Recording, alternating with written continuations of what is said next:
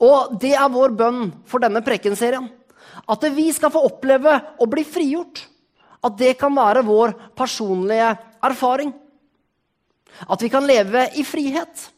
Og at vi kan leve det livet som Jesus ville levd hvis han var i våre sko. At du kan leve det livet som Jesus ville levd hvis han var deg. Og jeg kan leve det livet som Jesus ville levd hvis han var meg. Forrige søndag så prata Frode om F-en i frigjort. Forstå at jeg ikke er Gud. Og Frode han pratet om at vi skulle velge å være ærlig. Valg nummer én velg å være ærlig. I dag så skal vi snakke om R-en i frigjort. Og R-en det står for 'regn med at Gud finnes'. Og at jeg betyr noe for han, og han har makt til å hjelpe meg. Som jeg sa, velg å tro. Velg å tro. Det er utfordringen til oss i dag. Og budskapet til oss i dag det er at det er håp. Ikke gi opp. Hold ut. Det er håp for meg og deg, og håpet det ligger hos Jesus Kristus. Vi skal se på tre punkter i forhold til det å velge å tro. Og Det første vi skal se på, det er tro at Gud finnes. Velg å tro, eller våg å tro, at Gud finnes. I Hebrebrevet kapittel 11 og vers 6 så står det uten tro er det umulig å være til glede for, for Gud. For den som trer fram for Gud, må tro at han har til, og at han lønner dem, og at han lønner dem som søker ham. Tro at Gud er til. Tro at det finnes en Gud. Faktum er at eh, det er et synkende antall nordmenn som sier at de tror på Gud. I 1985 så sa 53% av alle nordmenn at de trodde på Gud. I 2010, 25 år senere, så er det samme tallet sunket til 43 Anthony Flew, en kjent ateist, han skrev for ca. 30 år siden en bok som het 'There Is No God'. Altså 'Det finnes ingen Gud'. 30 år senere så skriver han en ny bok. Og denne gangen så har tittelen Eller denne gangen så har boka en annen tittel. Denne gangen så heter boka 'There Is A God'. Det finnes en Gud. Anthony Flew han var en anerkjent og kjent ateist. Og han sa tidligere 'Jeg vet at ikke det finnes noen Gud'. Å tro på Gud det er som å tro på runde firkanter. Men Anthony Flew han kom etter hvert til en annen konklusjon. Og han sier videre 'Jeg fulgte argumentene dit de ledet meg'. Og det ledet meg til tro. Han fulgte argumentene, og argumentene de ledet ham til tro. Og han skriver bl.a. i sin bok så skriver han bak eksistensen av vårt univers så ligger en hel rekke helt usannsynlige sammentreff. Der ulike faktorer er finjustert på akkurat den måten som skal til for at, for at et univers som vi kan leve i, kan bli til. Hvis f.eks. lysets hastighet eller elektronets masse hadde vært en anelse annerledes, så ville vår verden ikke kunnet oppstå. Han sier det. Det finnes en hel rekke usannsynlige sammentreff. Faktorer som er finjustert. Han sier at det er verden vår, universet vårt, det er ikke blitt til ved en tilfeldighet. Og det er mange faktorer som viser oss at universet vårt og jorden som vi bor på, den ble ikke til. Eller den, eller den holdes heller ikke oppe av tilfeldigheter. Det er ingen tilfeldighet. Nå er ikke jeg noen stor vitenskapsmann, men jeg skal gi dere noen vitenskapelige beviser for at det finnes en gud. En skaperkraft som står bak det hele. Ta f.eks. jordens helning. Jeg vet ikke om du visste det, at jorden har en helning på 23,5 grader. Og det er bare jorden av alle planetene i vårt solsystem som har denne helningen. Og denne helningen, 23,5 grader, den er helt avgjørende for liv. Pga. denne helningen så vil hele jorden bli belyst av solens stråler. Uten denne helningen så ville polene samlet opp stadig større mengder med is. Og området rundt ekvator det ville blitt ekstremt varmt. jorda, jorda som vi bor på, ville det ikke gått an å leve på uten denne perfekte helningen på 23,5 grader. Og så kan vi spørre oss er det en tilfeldighet. Er det en tilfeldighet at det er akkurat sånn? Eller står det en bak som har nøye regna det hele ut, og som har satt det hele i sammen? Et annet eksempel det er månen. Det at månen eksisterer og har en avstand til jorda på 384 000 km, det er en forutsetning for liv. Gravitasjonskraften fra månen legger til rette for flor og fjære, sørger for oksygen i havet og gjør bl.a. at plankton, som er helt nederst på næringskjeden og forutsetning for liv i havet, kan overleve. Et annet eksempel er solens avstand til jorda. Solen står i en perfekt avstand til jorda. Hadde solen stått nærmere, så hadde det blitt altfor varmt, og vi hadde ikke kunnet leve her. Hadde sola stått lenger unna, så hadde det blitt for kaldt, og vi ville frossa til is. Sola står i en perfekt avstand til jorda for at det kan være liv. Og det finnes mange andre lignende eksempler. Vi skal ikke gå inn på de nå, men det vi ser, det er det at universet vårt det er så finstemt. Det er så finstemt. Det er små detaljer. Alt er tilrettelagt for at det kan være liv her. Og så kan vi spørre oss selv så kan vi spørre oss, er det en tilfeldighet. Har det blitt sånn helt av seg selv? Eller står det en skapende kraft bak? En Gud som er mektig, og som har satt alt sammen i rette stand. Den ikke-kristne professoren i teoretisk fysikk, Paul Davis, som holder til i Arizona ved et universitet der, han sier at det er latterlig usannsynlig å få en verden som vår til ved tilfeldighetene sitt spill.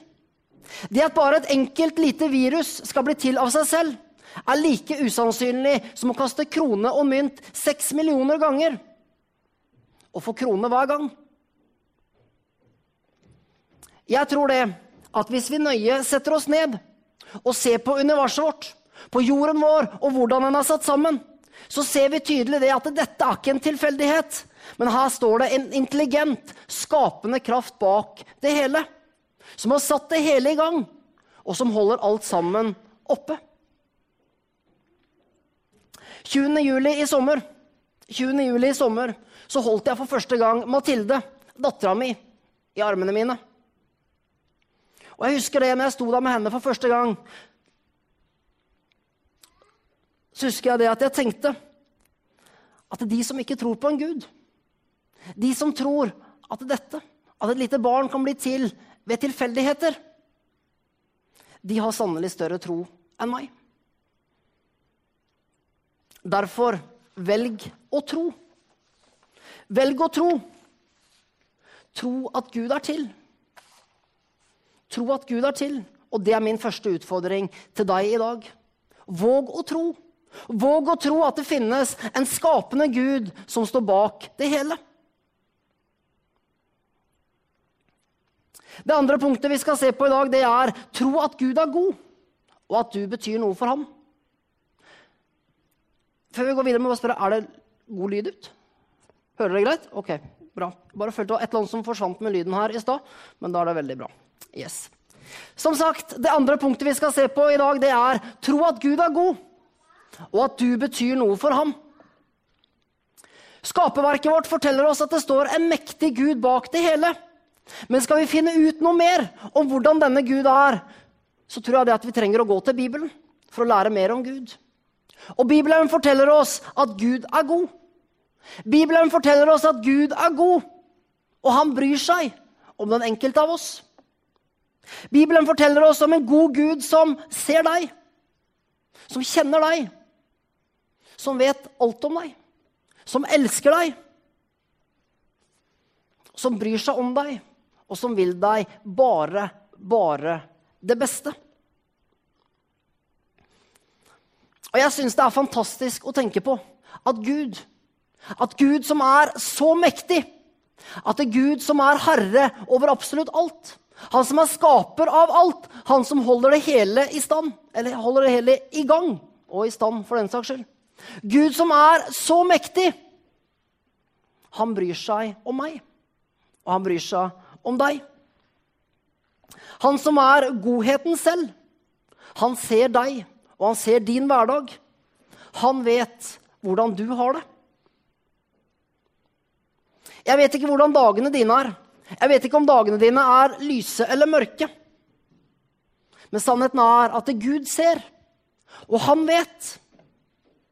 Og Gud vil møte deg akkurat der du er.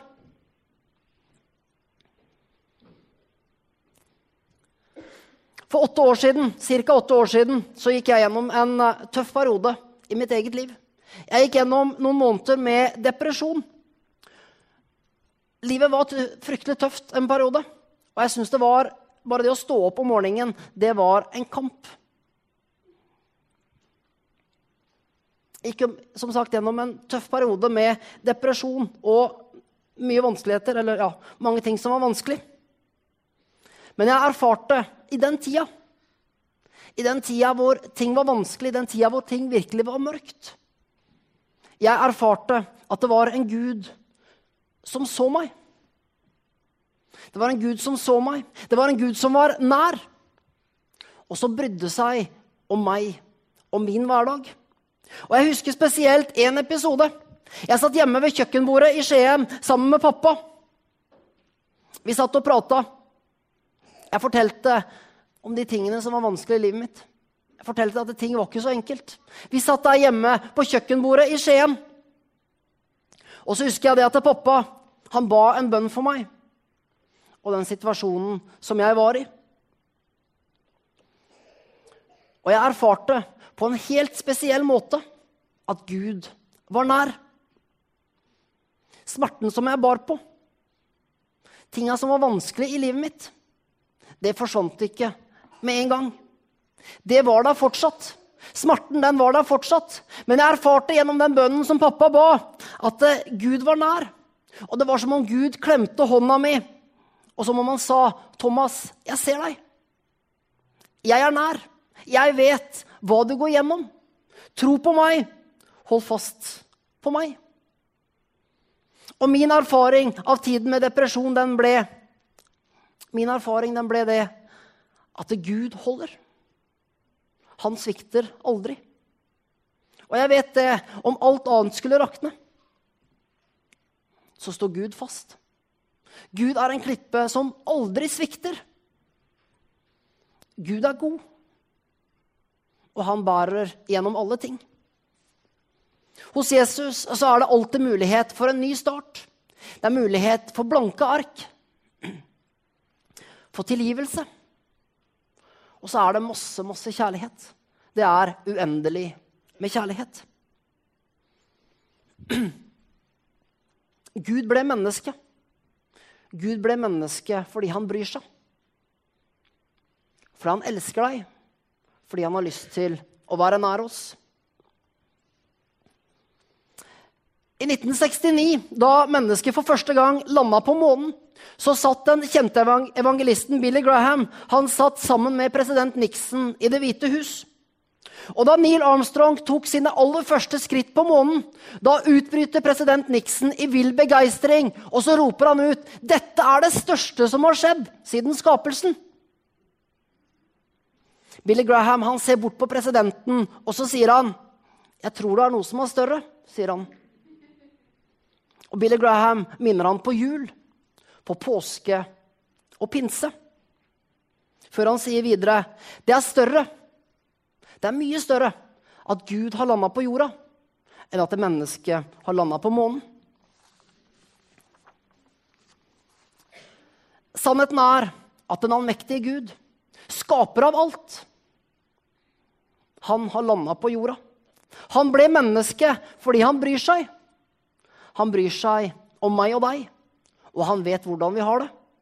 Derfor, våg å tro. Tro at Gud er god. Tro at du betyr noe for ham. Tro at han vil deg bare det beste. Han vil at du skal lykkes. At du skal leve i hans planer for deg hver eneste dag. At du skal være fri. Fri til å leve det livet som Jesus ville levd hvis han var deg. Hvordan er Gud? Se på Jesus. Se på Jesus. I Apostelens gjerninger 10.38 så står det Apostelens gjerninger 10.38 så står det om Jesus. Han gikk omkring overalt og gjorde vel. Jesus han gikk omkring overalt. Han gjorde vel. Jesus hadde medfølelse. Jesus helbredet. Han så mennesker, han satte mennesker i frihet. Og han ga mennesker av sin kjærlighet. Våg å tro. Tro at Gud er god. Og det, siste, og det siste som vi skal se på i dag, det er tro at Gud har makt til å sette deg i frihet. Tro at Gud har makt til å sette deg i frihet. I Salme 40 og vers 2-4 så skriver David.: Jeg ventet og håpet på Herren. Han bøyde seg til meg og hørte mitt rop. Han dro meg opp av fordervelsens grav, opp av den dype gjørmen. Han satte mine føtter på fjell og lot meg gå med faste skritt. Han la en ny sang, la i min munn en ny sang, en lovsang for vår Gud. Mange skal se det og frykte og sette sin lit til Herren. I Salme 40 her så leser vi noe av David, noe av kong David sitt vitnesbyrd. Og vi leser det at David han venta på Gud. Gud løfta ham opp. Gud satte føttene hans på fjell. Altså på en solid grunn. Og Gud la en ny sang i hans munn. David ble løfta opp til frihet. Frihet fra det som tynger. Og sannheten er at det som Gud gjorde for David, det vil Gud gjøre for meg og deg. Jeg vet ikke hvordan det er med deg, hvordan det er med deg og ditt liv. Men jeg vet for mitt eget liv at jeg mange ganger trenger Guds hjelp for å leve i frihet. Når jeg ser på mitt eget liv, så vet jeg det at ofte så kjenner jeg på usikkerhet. Og så, så stiller jeg meg sjøl ofte spørsmålet er jeg god nok. Er jeg bra nok? Og så vet jeg det at de tankene de binder meg. Og de hindrer friheten i mitt liv. Og så vet jeg det også i hverdagen min, at det er andre eksempler som jeg vet, ting som binder meg, som hindrer meg fra å være fri. Da trenger jeg at Gud kommer inn med sin frihet. Jeg trenger Guds hjelp. Jeg trenger det at han løfter meg opp. At han setter føttene mine på fjell.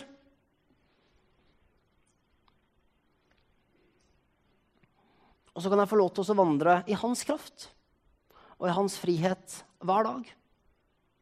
Det som Gud gjorde for David, som vi leser om her, det ønsker Gud å gjøre for meg og deg. Et liv i frihet. Hvor vi kan være fri fra bindinger, sår og uvaner som kanskje holder oss nede. Jeg fortalte litt tidligere her om min tid med depresjon. Og jeg husker det, på vei ut av den tida så var jeg på en samling her i Misjonskirken. Dette var mange år før jeg begynte å arbeide som pastor her. Vi satt inne i menighetssalen her, husker jeg. Og så fikk jeg et bibelvers. Og det var Han la en ny sang i min munn. Det som hadde vært vanskelig, det som hadde vært tøft, det som hadde vært forferdelig vanskelig i flere måneder, det forandra Gud. Og han forandra det til noe bra. Han satte føttene mine på fjell. Han la en ny sang i min munn. Og Gud har et liv i frihet for meg og deg. Et liv hvor vi kan leve i frihet fra bindinger, sår, uvaner og annet som kanskje holder oss nede. Så helt til slutt hvordan kan vi leve i frihet? Hvordan kan vi ta imot av det som Gud ønsker å gi oss? Hvordan kan vi leve i frihet hver eneste dag?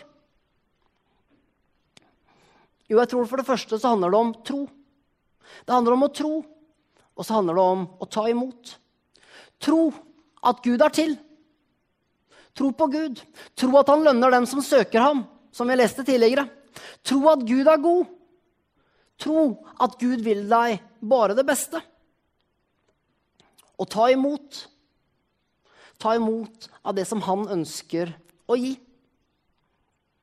I Apostelens gjerninger 2,38 så står det Vend om og la dere døpe i Jesu Kristi navn, hver og en av dere, så dere kan få tilgivelse for syndene, og dere skal få Den hellige ånds gave. Ta imot av tilgivelse. Tilgivelse for synd. Og ta imot av Den hellige ånds gave. Av Den hellige ånds kraft. Alt er ferdig. Jesus har gjort alt ferdig for oss alle sammen. Jesus døde for meg og deg, slik at vi kan leve et liv i frihet. Og hvor vi kan være alt det som han skapte oss til å være. Og det har jeg lyst til å avslutte med. Ta imot av Jesus Kristus. Ta imot av det som han ønsker å gi. Lev nær til Jesus. Lev nær til Jesus hver eneste dag. For oss, for hos Jesus så er det frihet. Det er kjærlighet. Det er fred, det er glede, det er tilgivelse, det er nåde. Det er alt hva vi trenger for hver eneste dag. Kom til Jesus. Lev nær til Jesus Kristus. Tro på ham. Tro på ham. Skal vi be. Kjære far, jeg takker deg, Herre, for at du er god. Og jeg takker deg, Herre, for at du er nær oss. Takker deg, Herre, for at du elsker oss med en evig kjærlighet. Og takker deg, Herre, for at vi kan tro på deg, Herre. Kjære Jesus. Kjære Jesus. Jeg takker deg, Herre, for at du ser oss. Du kjenner oss alle sammen. Du vet hvordan vi har det. Du kjenner livene våre, Herre. Du vet hvordan dagen er, hvordan uka er. Du kjenner alt, Herre. Takk for det, Jesus. Takk, Herre. Så takker jeg deg, Herre, for at vi kan komme til deg. For at du ønsker å gi oss av din godhet, av din kjærlighet, av din nåde og din kraft, Herre, hver eneste dag. Jeg priser deg for det, Jesus. Og Herre, velsign denne fantastiske gjengen. Velsign dem, Herre. Overøs dem, Herre, med din godhet og din kjærlighet. Og mer av deg, Herre. Vi ber i Jesu navn. Kom, Herre, og møt oss akkurat nå. Takk, Jesus.